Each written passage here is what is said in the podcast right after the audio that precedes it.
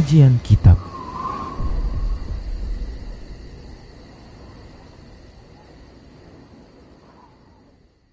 Bismillah, Assalamualaikum warahmatullahi wabarakatuh.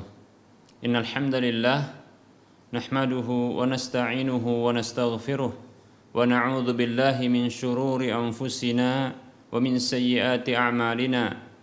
Man yahdihillah fala mudillalah Wa man yudlilhu fala hadiyalah واشهد ان لا اله الا الله وحده لا شريك له واشهد ان محمدا عبده ورسوله صلى الله عليه وسلم قال الله تبارك وتعالى يا ايها الذين امنوا اتقوا الله حق تقاته ولا تموتن الا وانتم مسلمون يا أيها الناس اتقوا ربكم الذي خلقكم من نفس واحدة وخلق منها زوجها وبس منهما رجالا كثيرا ونساء.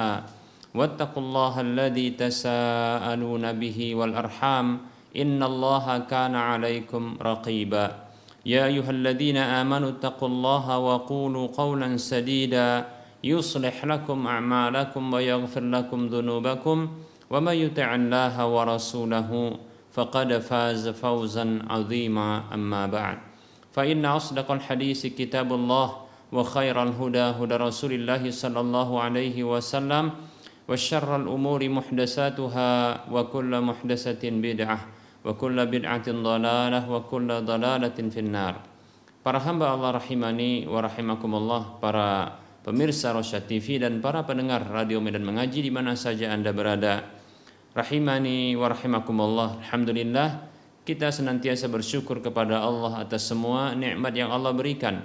Selawat serta salam tak lupa kita ucapkan untuk Nabi kita Muhammad sallallahu alaihi wasallam. Kembali kita akan melanjutkan pembahasan kitab Minhajul Muslim masih dalam pembahasan akidah dan kita akan melanjutkan pembahasan tentang beriman kepada kerasulan Nabi kita Muhammad sallallahu alaihi wasallam. Setelah kita menyebutkan dalil-dalil dari Al-Qur'an maupun hadis Nabi sallallahu alaihi wasallam yang mengharuskan seorang mukmin dan muslim untuk mengimani kerasulan Nabi Muhammad sallallahu alaihi wasallam berikutnya kita akan menyebutkan persaksian kitab-kitab terdahulu, kitab-kitab suci agama samawi terdahulu yang mempersaksikan tentang kenabian dan kerasulan Nabi Muhammad sallallahu alaihi wasallam. Sebagaimana yang disebutkan di dalam kitab Taurat dan Injil, kitab Taurat dan Injil di mana Nabi Musa dan Nabi Isa mengkabarkan kepada kaumnya tentang Nabi Muhammad Sallallahu Alaihi Wasallam yang akan diutus sebagai nabi bagi umat akhir zaman, nabi terakhir bagi umat akhir zaman. Dan ini dinyatakan oleh Allah Subhanahu wa taala dalam Al-Qur'an sendiri di dalam surah As-Saff ayat 6 Allah mengatakan a'udzu billahi minasyaitonir rajim wa idh qala Isa bin Maryam ya bani Israil inni rasulullah ilaikum musaddiqan lima baina yadayya minat taurati wa mubashiran bi rasuli ya'ti min Ahmad. Allah Subhanahu wa taala berfirman yang artinya dan ingatlah tatkala Isa putra Maryam mengatakan Wahai Bani Israel, sesungguhnya aku adalah utusan Allah Subhanahu wa taala kepada kalian yang membenarkan kitab suci sebelum sebelumnya yang eh, yang berada di sebelumnya ya sebelumku ini yaitu berupa Taurat. Dan aku memberikan kabar gembira kepada kalian tentang seorang rasul yang akan datang setelahku yang namanya adalah Ahmad yaitu orang yang terpuji yaitu Muhammad sallallahu alaihi wasallam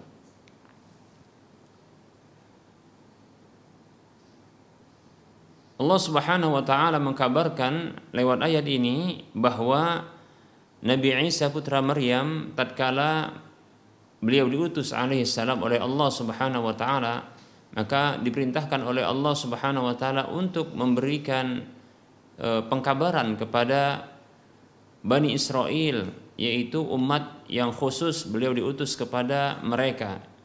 Itu Nabi Isa diutus kepada Bani Israel secara khusus mengkabarkan ya e, dan membenarkan kitab suci sebelum Nabi Isa alaihissalam yaitu Taurat. Dan sekaligus mengkabarkan bahwa akan ada seorang rasul yang datang setelah beliau yang bernama atau yang bersifat dengan Ahmad ya yang bersifat dengan Ahmad yang artinya adalah orang yang terpuji dan itu adalah maksudnya Nabi Muhammad Shallallahu Alaihi Wasallam yang nama beliau SAW nama lain beliau selain Muhammad adalah Ahmad ketika di waktu kecil beliau. Baik para hamba Allah rahimani wa rahimakumullah. Kemudian Allah Subhanahu wa taala mengkabarkan atau menyebutkan di dalam surah Al-A'raf ayat 187 Allah mengatakan A'udzu billahi minasyaitonir rajim الذين يتبعون الرسول النبي الأمي الذي يجدونه مكتوبا عندهم في التوراة والإنجيل fit بالمعروف wal عن المنكر ويحل لهم الطيبات ويحرم عليهم munkar Allah berfirman yang artinya yaitu orang-orang yang mereka mengikuti rasul Nabi yang ummi yang tidak bisa membaca dan tidak bisa menulis yang mereka dapatkan yaitu tersebutkan di sisi mereka di dalam kitab Taurat dan Injil mereka.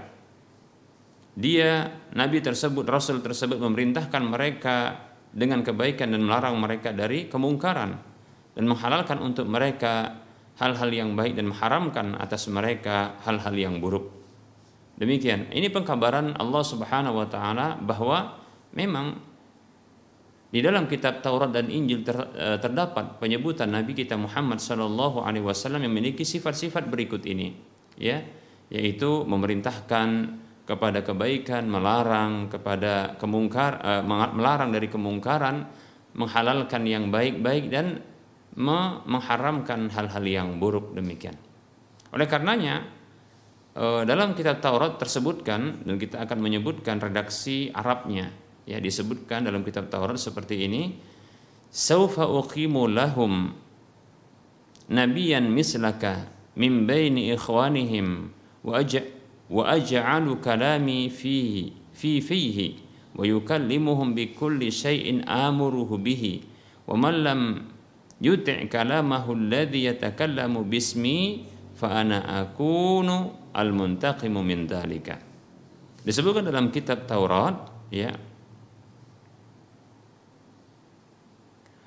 Kelak aku akan mengutus menegakkan ya mengutus seorang nabi sepertimu untuk mereka dari kalangan saudara-saudara mereka. Maksud dari saudara mereka adalah ya e, dari saudara kalangan e, anak turunan dari Nabi Ismail ya. Anak turunan dari Nabi Ismail demikian.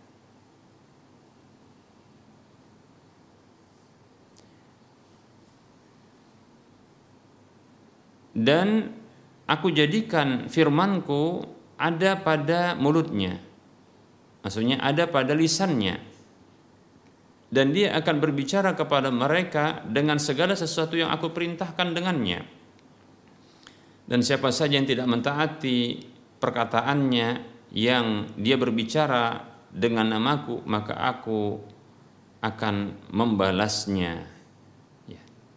nah ini e, pernyataan dalam redaksi bahasa Arab yang terdapat dalam kitab Taurat. Baik para hamba Allah rahimani wa rahimakumullah. Nah, e, kabar gembira seperti ini yang terdapat di dalam kitab e, Taurat ya. E, ini bisa kita saksikan ya pada hari ini apabila ya e, kitab Taurat tersebut tidaklah dirubah-rubah tentunya ya Andaikan ya kitab Taurat tersebut tidak dirubah-rubah, tentu pengkabaran seperti ini akan kita dapatkan dari Allah Subhanahu wa taala yang termaktub atau tercatat di dalam kitab Taurat, ya. yang mempersaksikan tentang kenabian Nabi kita Muhammad Sallallahu Alaihi Wasallam dan mempersaksikan kerasulan beliau Sallallahu Wasallam sekaligus ya kewajiban untuk mentaati beliau ya senantiasa mengikuti beliau. Nah ini merupakan hujah bagi orang-orang Yahudi ya andaikan mereka itu tidak melakukan pentakwilan atau tidak merubah-rubah ya eh, kitab suci mereka tersebut. Eh, dalam kitab Taurat tersebut disebutkan tadi kalimat saufa uqimu lahum nabiyan. Ini redaksi dalam bahasa Arab. Ya, kelak aku akan kalimat saufa di sini menunjukkan uh, jangka waktu yang begitu panjang, jeda yang begitu panjang. Saufa uqimu lahum nabiyya. Kalau aku akan bangkitkan, tegakkan untuk mereka bagi mereka seorang nabi. Nah, ini merupakan persaksian Allah Subhanahu wa taala di dalam kitab Taurat, ya tanpa ada keraguan lagi itu tentang kenabian dan kerasulan Nabi kita Muhammad Sallallahu Alaihi Wasallam. Nah, e, karena yang menjadi e, objek yang diajak bicara ketika itu adalah Nabi Musa alaihissalam. Nabi Musa alaihissalam. Yang ketika itu beliau adalah seorang nabi dan rasul demikian. Dan e, ketika disebutkan ya ungkapan saufa uqimu lahum nabiyan mislaka ya. Kalau aku akan tegakkan atau bangkitkan untuk mereka seorang nabi sepertimu. Yang diajak bicara di sini adalah Nabi Musa alaihissalam menunjukkan bahwa nabi yang akan ditegakkan atau yang akan diutus tersebut adalah ya seorang yang seperti Nabi Musa alaihissalam yaitu yang dia seorang nabi sekaligus seorang Rasul. Ya, demikian. Para hamba Allah rahimani wa rahimakumullah.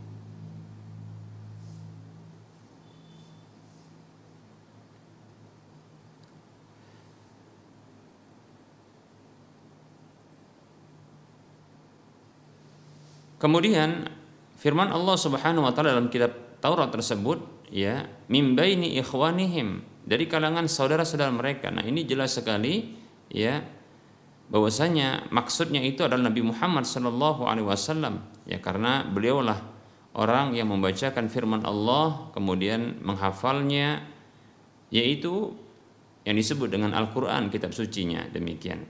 Kemudian Allah mengatakan yukallimuhum bikulli syai'in.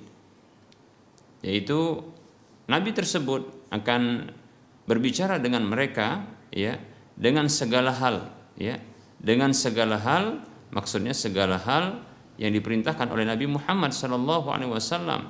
Ya. Dikarenakan Nabi kita Muhammad Sallallahu Alaihi Wasallam itu berbicara tentang perkara yang gaib yang tidak dibicarakan oleh nabi-nabi sebelum beliau ya Sallallahu Alaihi Wasallam. Dan ini tentunya adalah uh, wahyu dari Allah Subhanahu Wa Taala kepada beliau. Nah, disebabkan karena Allah Subhanahu wa taala memberikan wahyu kepada Nabi kita Muhammad sallallahu alaihi wasallam tentang sebagian perkara-perkara gaib yang akan uh, yang telah terjadi di masa yang lalu dan yang akan terjadi ya uh, di waktu-waktu berikutnya sampai hari kiamat. Demikian para hamba Allah rahimani wa rahimakumullah. Kemudian ada ungkapan yang lain dalam kitab Taurat juga disebutkan seperti ini kita sebutkan redaksi Arabnya, ya ayuhan nabi, inna arsalnaka mubasyiran wa nadhira wa hizran lil ummiyina anta abdi wa rasuli samaituka al mutawakkilu samaituka al mutawakkila laisa bifadhin wala ghalidhin wala sakhabin fil aswaqi wala yadfa'u sayyi'ata bis sayyi'ati walakin ya'fu wa ولا يقبضه الله حتى يقيم به الملة العوجاء بأن يقولوا لا إله إلا الله فيفتح فيفتح به فيفتح به أعينا عميا وآذانا سما وقلوبا غلفا Nah ini sebagaimana yang disebutkan ya dalam uh, Al-Mu'jamul Kabir punya Imam Tabrani ya. Juga ada ungkapan dalam kitab Taurat berikut ini yang artinya Wahai Nabi, sesungguhnya kami telah mengutusmu sebagai pemberi kabar gembira dan pemberi kabar peringatan, ya, sebagai pemberi kabar gembira dan sebagai pemberi peringatan dan sebagai uh, perhiasan ya bagi orang-orang kaum yang ummi, ya. Engkau adalah hambaku, demikian pula rasulku. Aku namakan engkau yaitu dengan al-mutawakkil, itu orang yang menjadi perwakilan. Bukanlah seorang yang bersikap ya keras dalam ucapan juga kasar dalam tindakan. Tidak juga suka ya mengeluarkan suara yang keras atau me, menjerit-jerit di pasar ya di jalanan di pasar-pasar. Yaitu mengeluarkan suara yang keras ya di pasar-pasar tidak menolak keburukan dengan keburukan dan akan tetapi ya memaafkan memberikan eh, lapang dada yaitu kemaafan ya kemudian bertoleransi dan memberikan ampunan. Dan tidaklah Allah Subhanahu wa taala mencabutnya ya sampai Allah Subhanahu wa taala ya luruskan agama yang telah bengkok ini ya agar mereka mengatakan la ilaha illallah tidak ada sesembahan yang berhak disembah ya kecuali Allah dan dibukakan ya dengannya mata yang buta demikian pula pendengaran yang tuli dan hati yang terkunci demikian ya. Nah ini ungkapan yang lain yang terdapat di dalam Al uh, di dalam Taurat ya yang disebutkan uh, oleh Imam Bukhari demikian pula ya dalam kitab Al Mu'jamul Kabir milik, uh, milik Imam Tabrani. Kemudian ada juga ungkapan yang semisal atau ungkapan yang lainnya dalam kitab uh, Taurat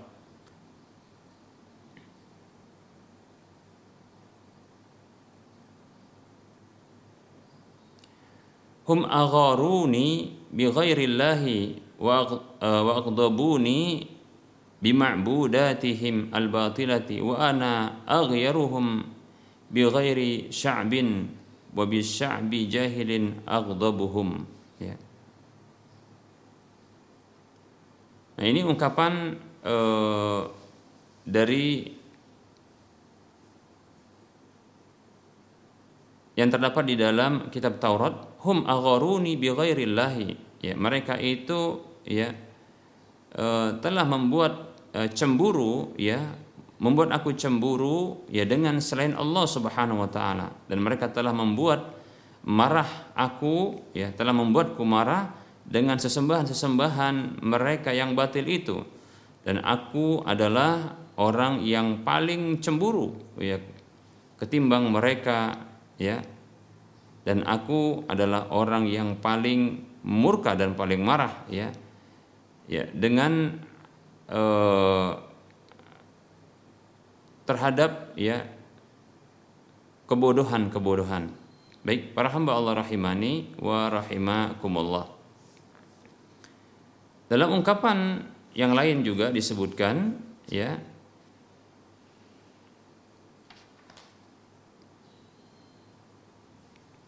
Kita akan sebutkan dalam ungkapan yang lain itu ungkapan uh, yang terdapat dalam kitab Injil, ya, dalam kitab Injil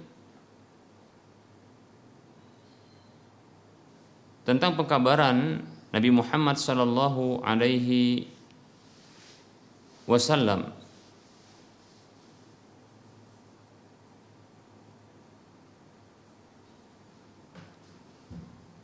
Baik, eh, disebutkan ya dalam kitab Injil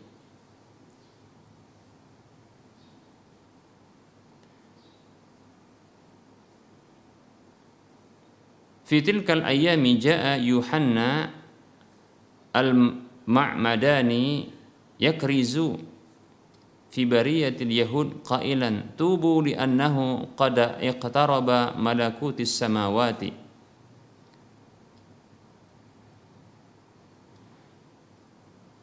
Di waktu-waktu tersebut, ya, datanglah Yuhanna al-Ma'madan.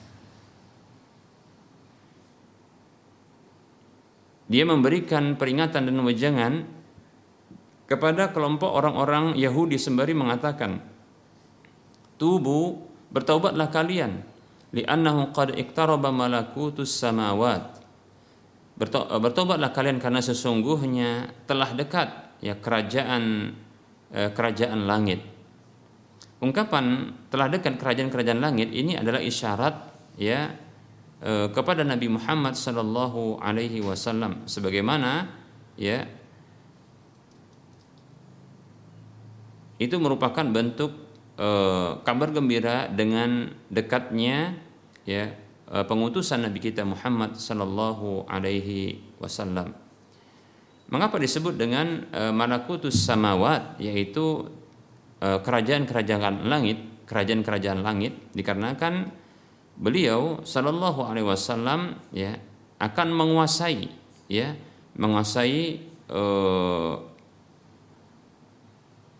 bumi ini atau dunia ini ya dan memberikan hukum ya dengan ya hukum yang berasal dari langit demikian ya baik para hamba Allah rahimani wa rahimah Kumullah. Kemudian dalam ungkapan yang lain disebutkan yusbihu malakutus samawati habbata khardalin ya akhadaha insanun wa zara'aha fi hal fi haqlihi wa hiya asgharu jami'il buduri walakin mata namat fahiya akbarul buquli. Baik para hamba Allah rahimani rahimakumullah ini merupakan ya ungkapan ini ya kalau kita terjemahkan ya kerajaan-kerajaan langit itu itu menyerupai satu e, biji sawi yang diambil oleh seorang manusia lalu dan dia menanamnya ya di kebunnya. Ya dan itu ya e, adalah ya biji yang paling kecil dari semua biji. Akan tetapi kapan saja dia tumbuh maka dia akan menghasilkan ya hasil panen yang begitu besar demikian. Baik para hamba Allah rahimani wa rahimakumullah. Ungkapan ini ya yang disebutkan dalam kitab Injil ini ini adalah ungkapan yang disebutkan oleh Allah Subhanahu wa taala dalam uh, kitab Al-Fathu dalam Al-Qur'an ya, uh, dalam uh, Al-Qur'an yaitu surah Al-Fathu ayat 29. Kita akan bacakan Surah Al-Fathu ayat 29 ini mirip ungkapannya dengan apa yang diungkapkan di dalam kitab Injil tersebut.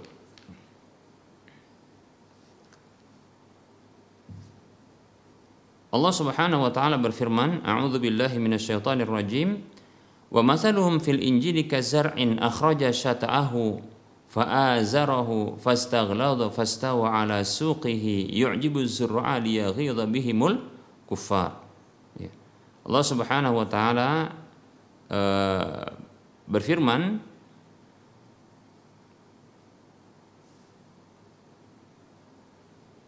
sebelumnya ya Muhammadun Rasulullah Muhammadur Rasulullah walladzina ma'ahu asyidda'u 'alal kuffari ruhama'u bainahum tarahum ruk'an sujada yabtaghuna يبتغون فضلا من الله ورضوانا سيماهم في وجوههم من أثر السجود. ذلك مثلهم في التوراة ومثلهم في الإنجيل كزرع أخرج شطعه فآزره فاستغلظ فاستوى على سوقه يعجب الزرع ليغيظ بهم الكفار. وعلى الله الذين آمنوا وعملوا الصالحات منهم مغفرة وأجرا عظيما. الله سبحانه وتعالى taala berfirman yang artinya Muhammad itu sallallahu alaihi adalah utusan Allah dan orang-orang yang bersamanya itu memiliki sikap yang keras terhadap orang-orang kafir. Namun mereka berkasih sayang terhadap sesama mereka. Kamu melihat mereka itu rukuk dan sujud mencari karunia Allah Subhanahu wa taala dan keridhaannya pada wajah mereka itu tampak tanda-tanda bekas sujud. Demikianlah sifat yang diungkapkan oleh Allah Subhanahu wa taala dalam kitab Taurat dan sifat-sifat mereka yang diungkapkan dalam Injil yaitu seperti benih ya. Wa masalum fil Injil dan permisalan mereka dalam kitab Injil kazar'in ya. Kazar'in itu seperti benih akhraja syata'ahu yang mengeluarkan tunasnya. Fa'azarahu kemudian tunas itu semakin menguat. Fastaghlada kemudian semakin besar. Fastawa ala suqihi dan tegak di atas batangnya. Yu'jibu zur'a yu'jibu zurra'a liyaghidha bihimul kufar tanaman itu menyenangkan hati para penanam-penanamnya. Karena Allah Subhanahu wa taala ingin membuat marah ya orang-orang kafir Allah Subhanahu wa taala menjanjikan kepada orang-orang beriman dan mengerjakan kebajikan di antara mereka ampunan dan pahala yang besar. Demikian. Nah, baik para hamba Allah rahimani rahimakumullah. Ini kesamaan antara ungkapan Allah Subhanahu wa taala yang terdapat di dua tempat, yaitu di dalam kitab Injil demikian pula dalam kitab ya Al-Qur'an, yaitu dalam surah Al-Fathu ayat 29, yaitu permisalan ya para sahabat Nabi dan para sahabat itu seperti ya permisalan ya satu biji ya atau tanaman yang dia e, mengeluarkan tunasnya. Kemudian tunas itu semakin kuat membesar dan tegak lurus di atas batangnya. Demikian para hamba Allah rahimani wa rahimakumullah.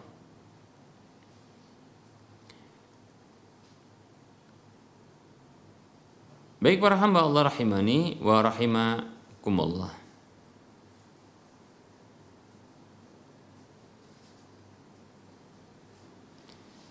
Baik ini e, beberapa ungkapan ya yang ini merupakan bukti tentang persaksian yang ada di, di dua kitab suci ya kitab Taurat dan Injil tentang pengkabaran yang ini merupakan kabar gembira bagi kaum-kaum Nabi Musa demikian pula Nabi Isa alaihissalam tentang diutusnya di waktu berikutnya yaitu Nabi kita Muhammad Sallallahu Alaihi Wasallam sebagai Nabi dan Rasul. Demikian para hamba Allah rahimani wa rahimakumullah. Nah, bila kitab suci terdahulu saja yang mengkabarkan tentang hal tersebut, ya, dan kita meyakini dan beriman tentang kitab suci, ya, beserta apa yang dikabarkan di dalam kitab suci tersebut selama tidak dihapuskan, lebih-lebih ketika bersesuaian dengan kitab suci kita, maka tentunya ini akan semakin menambah keimanan ya bagi seorang mukmin dan muslim tentang uh, kenabian dan kerasulan Muhammad sallallahu alaihi wasallam. Baik para hamba Allah rahimani wa rahimakumullah. Barangkali ada ungkapan-ungkapan yang lain ya yang menunjukkan uh, tentang pengkabaran Nabi kita Muhammad sallallahu alaihi wasallam yang terdapat di dalam kitab-kitab suci sebelum Al-Qur'an ya. Nah, namun kita padakan dengan ungkapan yang baru saja kita sebutkan. Ya.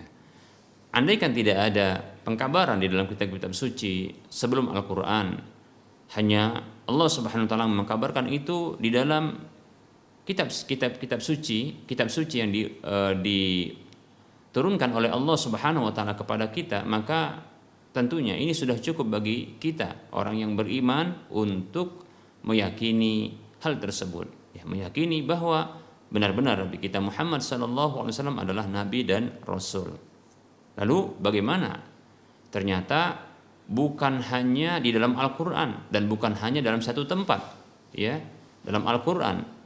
Ya bahkan di banyak tempat dalam Al-Qur'an menunjukkan bahwa Nabi kita Muhammad SAW itu adalah nabi dan rasul ya yang diutus kepada umat akhir zaman dan penutup sebagai penutup bagi ya e, kenabian dan kerasulan tersebut demikian ditambah lagi ternyata banyak pengkabaran ya di dalam kitab-kitab suci sebelum Al-Qur'an ya tentang kerasulan dan kenabian Nabi kita Muhammad sallallahu alaihi wasallam. Nah, oleh karenanya ini semakin menambah keimanan kita, semakin e, menambah ya keyakinan kita tentang kenabian dan kerasulan Nabi kita Muhammad Sallallahu Alaihi Wasallam.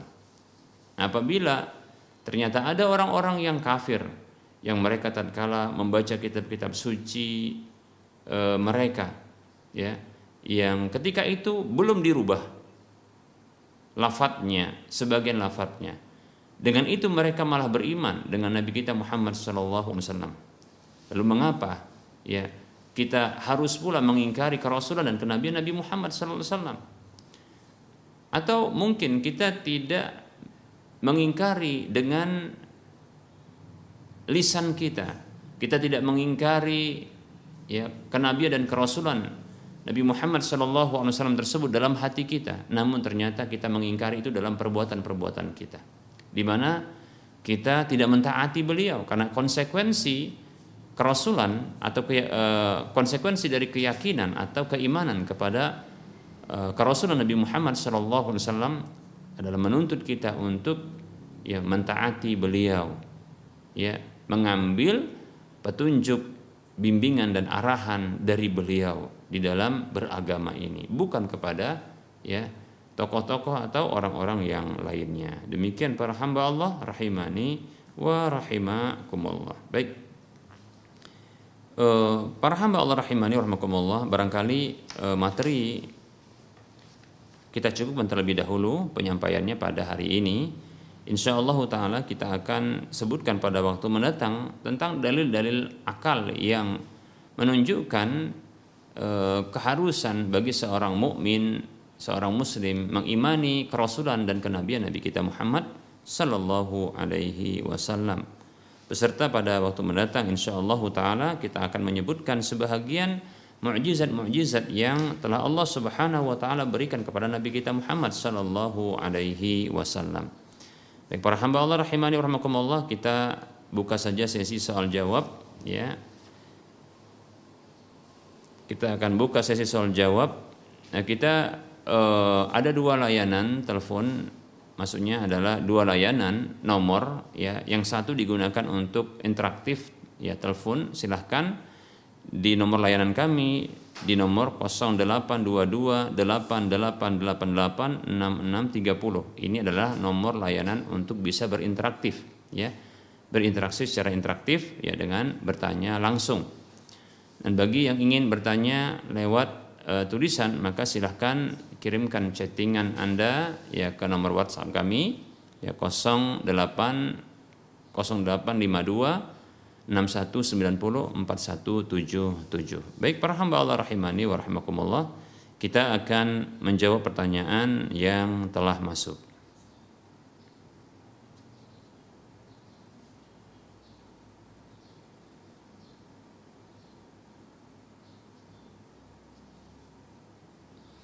Ada pertanyaan Assalamualaikum Maaf Ustaz, izin bertanya, bolehkah membayar fidyah untuk orang mis untuk satu orang miskin saja?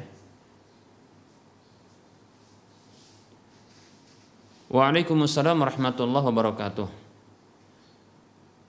Yang bisa saya pahami dari pertanyaan ini adalah maksudnya adalah membayar fidyah untuk satu orang miskin saja atau satu keluarga saja eh, dengan cara bertahap pembayarannya tidak kontan ya.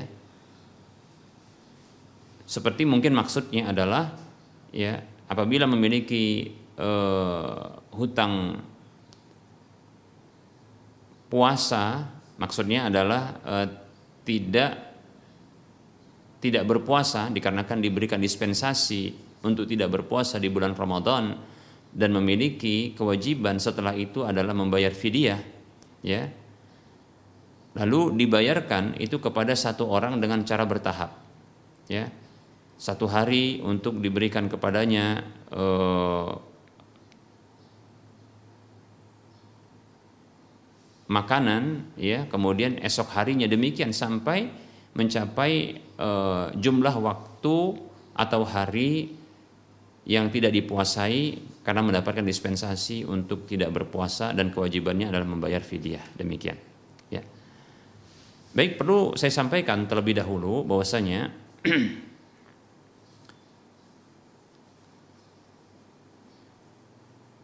tidak semua orang-orang yang diberikan dispensasi untuk tidak berpuasa itu kewajiban berikutnya adalah membayar fidyah.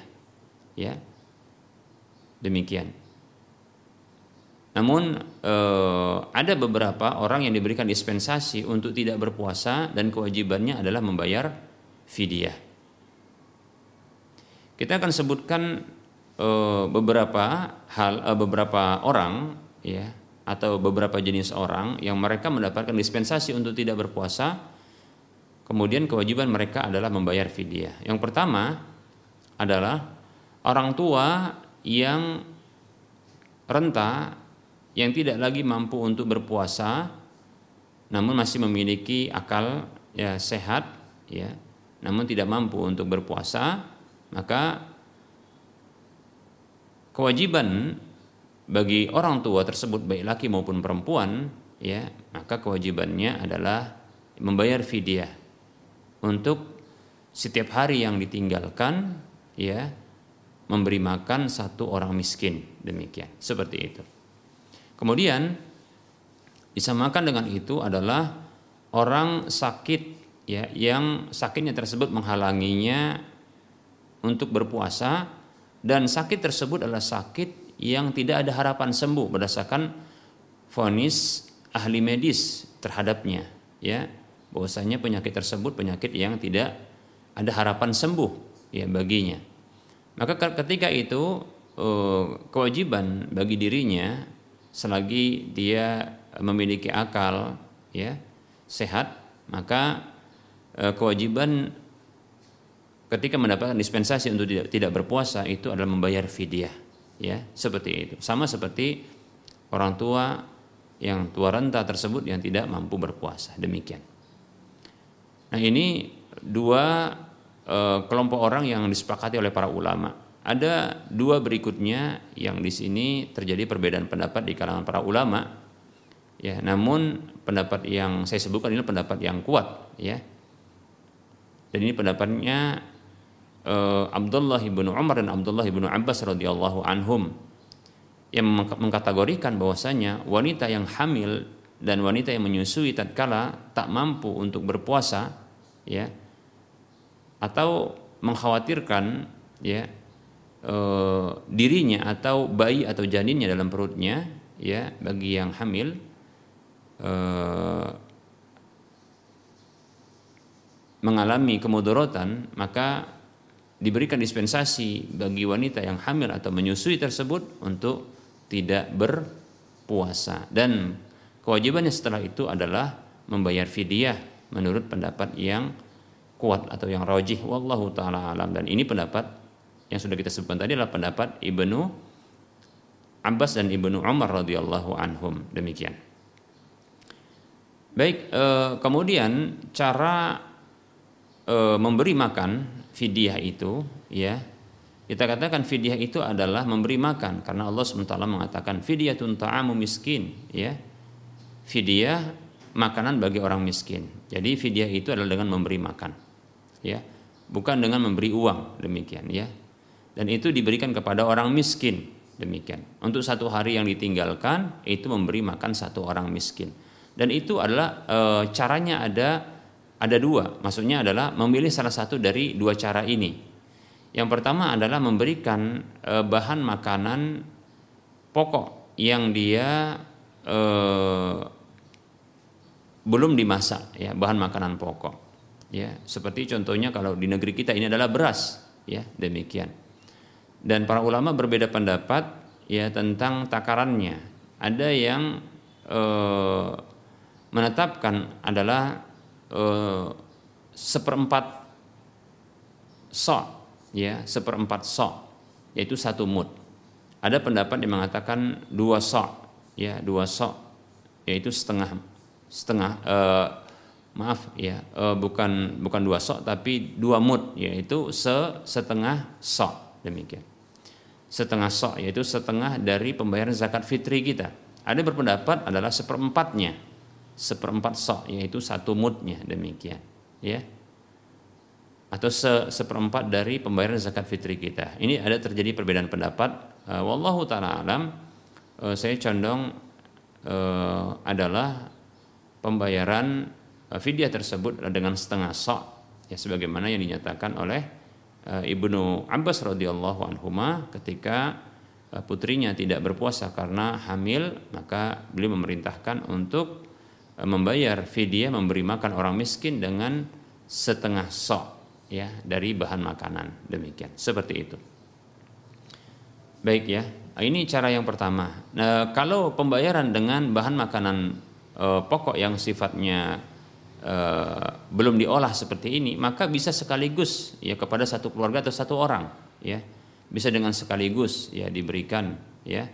Tinggal tadi kita katakan ya dua setengah sok bagi berpendapat maaf ya set, e, dua mut atau setengah sok ya atau setengah dari pembayaran zakat fitri itu bagi berpendapat dengan pendapat ini atau satu mud yaitu seperempat sok atau seperempat dari pembayar zakat fitri itu dikalikan hari-hari eh, yang ditinggalkan kemudian eh, diberikan ya di, diberikan eh, disiapkan bahan makanan pokok berupa beras tersebut lalu diberikan kepada satu orang miskin. Maka ini sudah mencukupi demikian ya. E, seperti itu. Ada cara yang kedua, ya ini pilihan tentunya ya, memilih yang cara pertama atau cara kedua, yaitu memberikan eh, makan kepada orang miskin ya itu dengan bahan makanan yang sudah diolah dan siap santap, siap saji demikian. Ini sebagaimana yang dilakukan oleh Anas bin Malik radhiyallahu anhu tatkala beliau e, sudah tua dan beliau tidak mampu berpuasa, maka beliau membayar fidyah dengan mengundang 30 orang miskin lalu beliau buatkan makanan sarit lalu beliau pun e, membuat kenyang mereka. Demikian. Ini boleh dilakukan demikian. Ya seperti itu. Ya. Atau dengan cara yang e, lain namun dengan e, makanan yang siap saji itu boleh diberikan kepada satu orang ya diberikan kepada satu orang tapi dengan cara bertahap pembayarannya. Ya. Contohnya untuk satu keluarga yang mereka berjumlah mungkin eh, tiga atau empat atau dua orang tapi mereka miskin atau satu orang yang miskin ya diberikan setiap hari ya sampai eh, sejumlah hari-hari yang ditinggalkan eh, karena mendapatkan dispensasi untuk tidak berpuasa. Maka ini juga dibolehkan. Maka eh, bukan merupakan kebijaksanaan ya apabila memberikan makanan siap saji dengan 30 ya 30 kita katakan nasi bungkus ya ya lalu diberikan kepada satu orang ini ya tentunya dia tidak akan mampu untuk menghabiskannya jika dia mau maka silahkan ya ini disebar dibagikan kepada orang-orang miskin ya sejumlah hari yang ditinggalkan karena mendapatkan dispensasi untuk tidak berpuasa demikian ya seperti itu. Namun bila mencicil dengan diberikan kepada satu orang setiap harinya maka ini dibenarkan. Wallahu taala a'lam.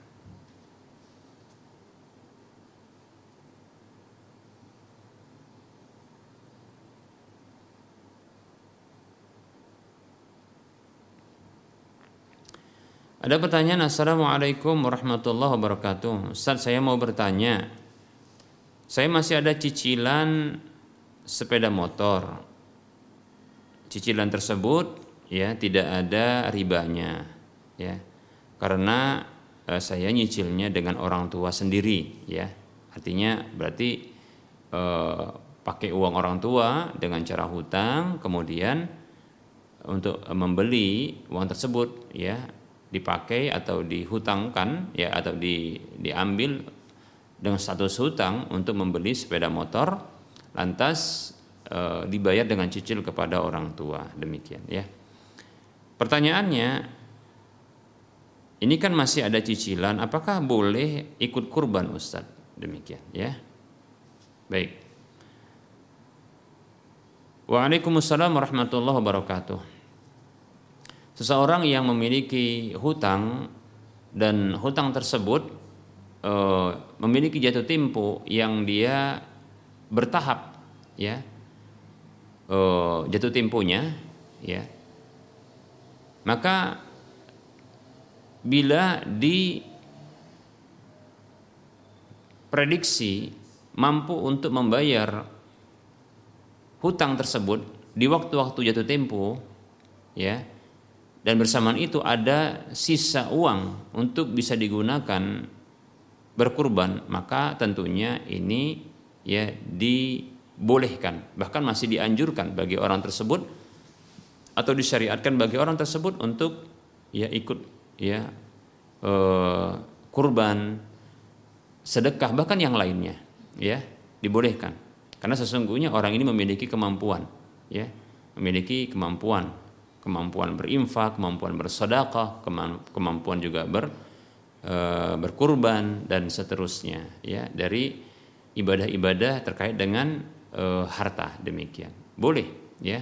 Bila e, mampu untuk membayar hutang di waktu setiap jatuh tempo dari tahapan-tahapan pembayaran e, hutang tersebut bersama dengan itu ada kelebihan ya. Maka masih disyariatkan bagi orang tersebut untuk bisa beribadah dengan hartanya. Seperti berinfak bersedekah ya. Begitu juga akikahan ya kurban dan seterusnya. Wallahu taala a'lam.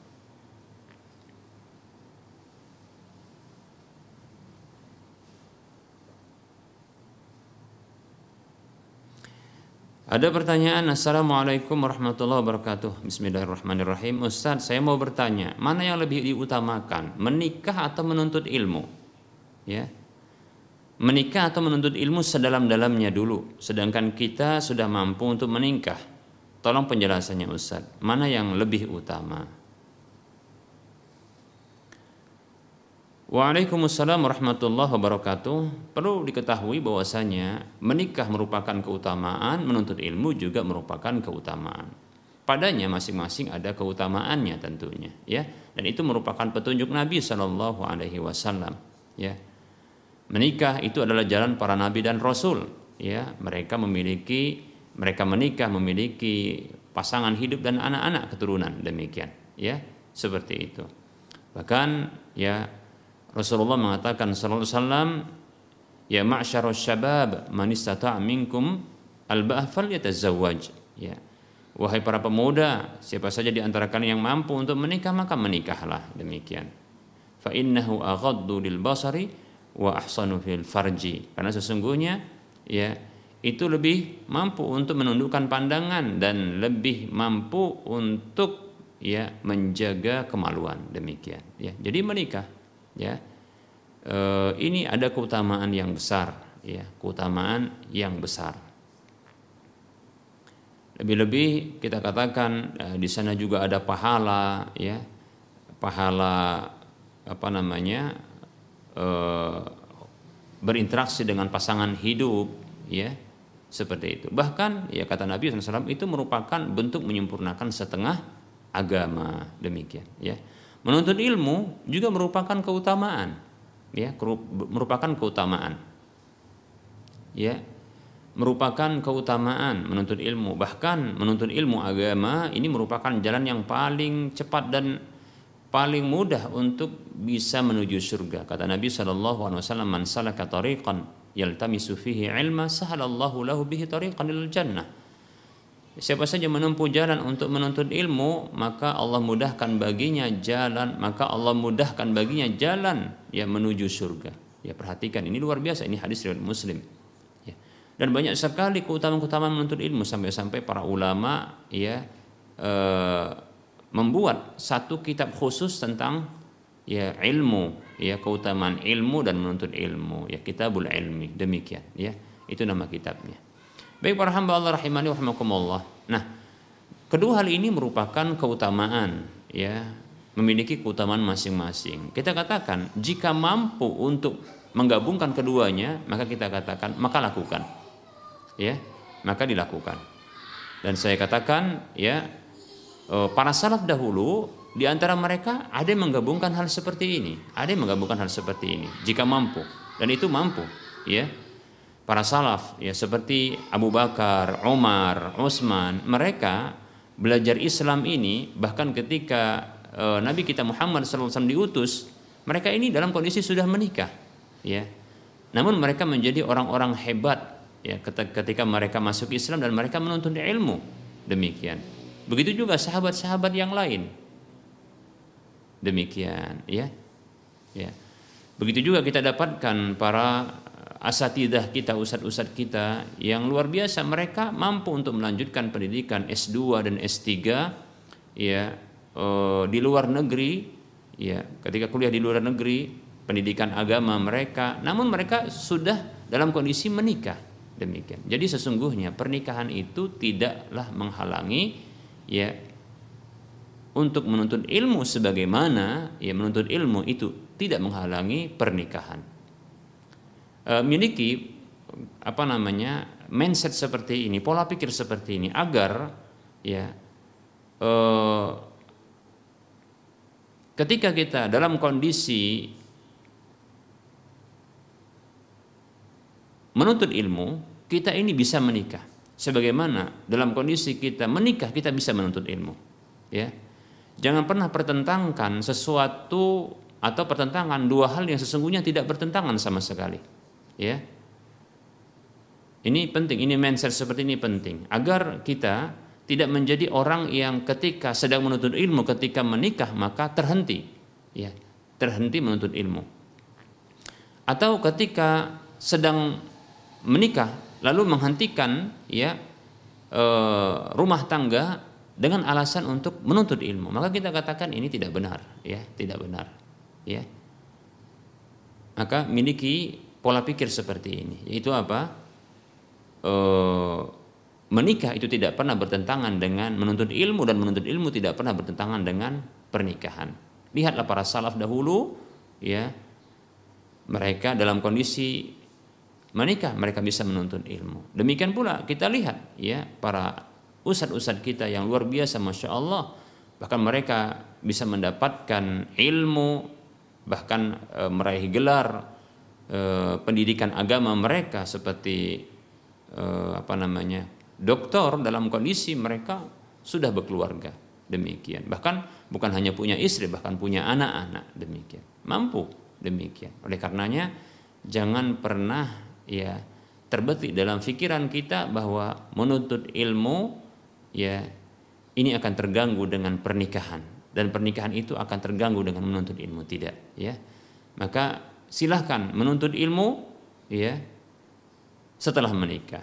Bahkan silahkan menikah setelah menuntut ilmu. Bahkan kalau bisa bersama-sama yaitu belajar dalam pernikahan ini. Maksudnya belajar dengan pasangan hidup untuk terus ya mendalami agama ini demikian.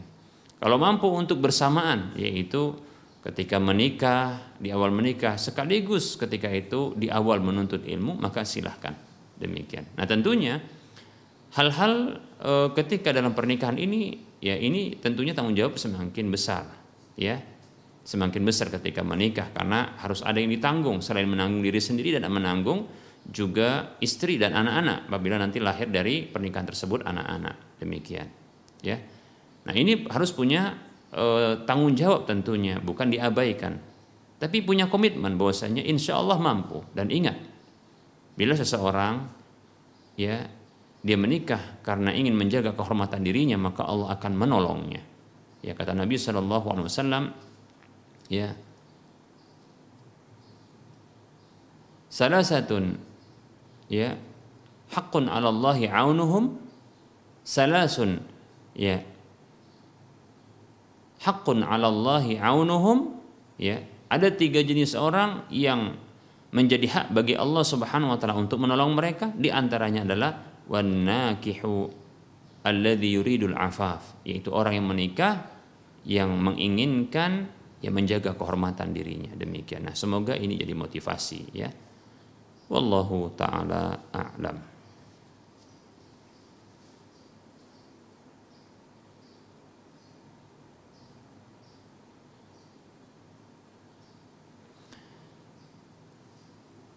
Bismillahirrahmanirrahim. Assalamualaikum warahmatullahi wabarakatuh. Ustaz, mohon bertanya bagaimana apabila istri safar tanpa ditemani mahram tapi dengan izin dan ridho suami, apakah boleh seorang istri safar tanpa mahram mohon penjelasannya Ustaz jazakallahu khaira wa barakallahu fiik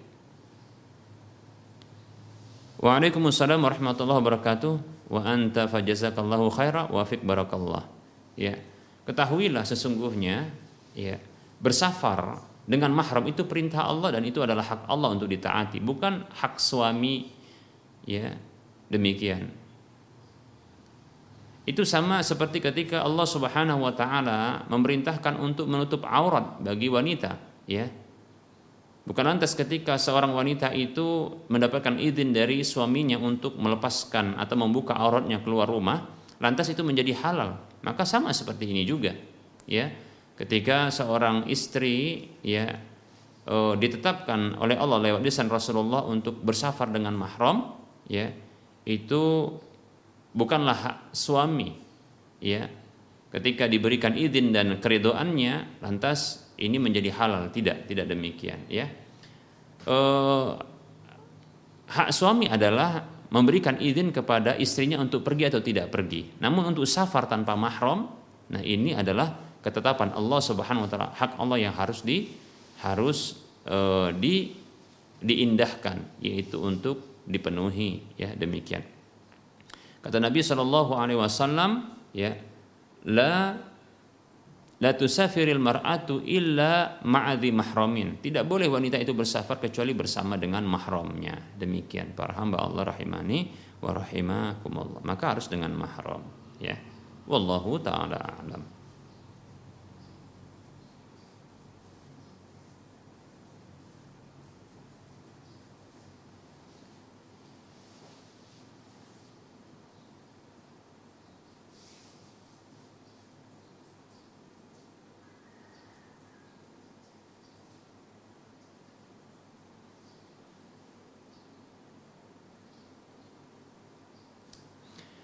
Assalamualaikum Ustadz, ada seorang ibu rumah tangga, dia selalu merasa didolimi suaminya karena si suami tidak pernah memberi nafkah, tidak memberi nafkah istrinya dan malah sebaliknya si istri yang memenuhi kebutuhan keluarga. Dan kebiasaan suami suka marah dan perokok, lama-lama si istri nggak kuat. Ya, tolong nasihatnya Ustadz.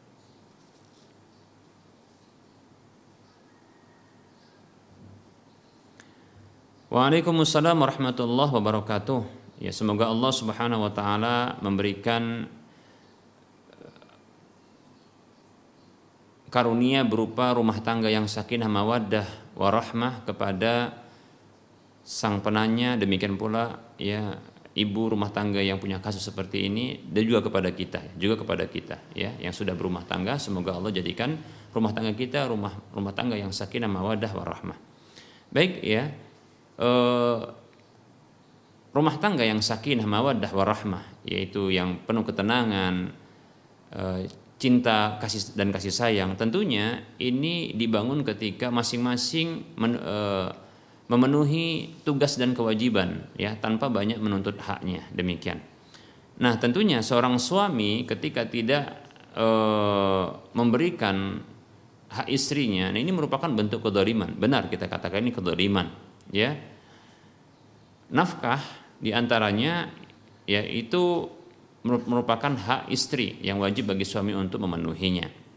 Nah, apabila sang istri ya istri e, merasa keberatan dengan kondisi seperti ini, maka dia bisa mengajukan atau e, menggugat suaminya atau kita katakan e, bisa mengadukan suaminya ke pihak yang berwenang. Dalam hal ini adalah pihak KUA untuk memberikan nasihat kepadanya. Demikian ya. Atau pihak e, ustadz ya ahli ilmu yang bisa memberikan nasihat kepada sang e, suami tersebut. Ya silahkan sang suami itu dilaporkan ya kepada pihak yang e, bisa memberikan nasihat kepada dirinya. Demikian ya.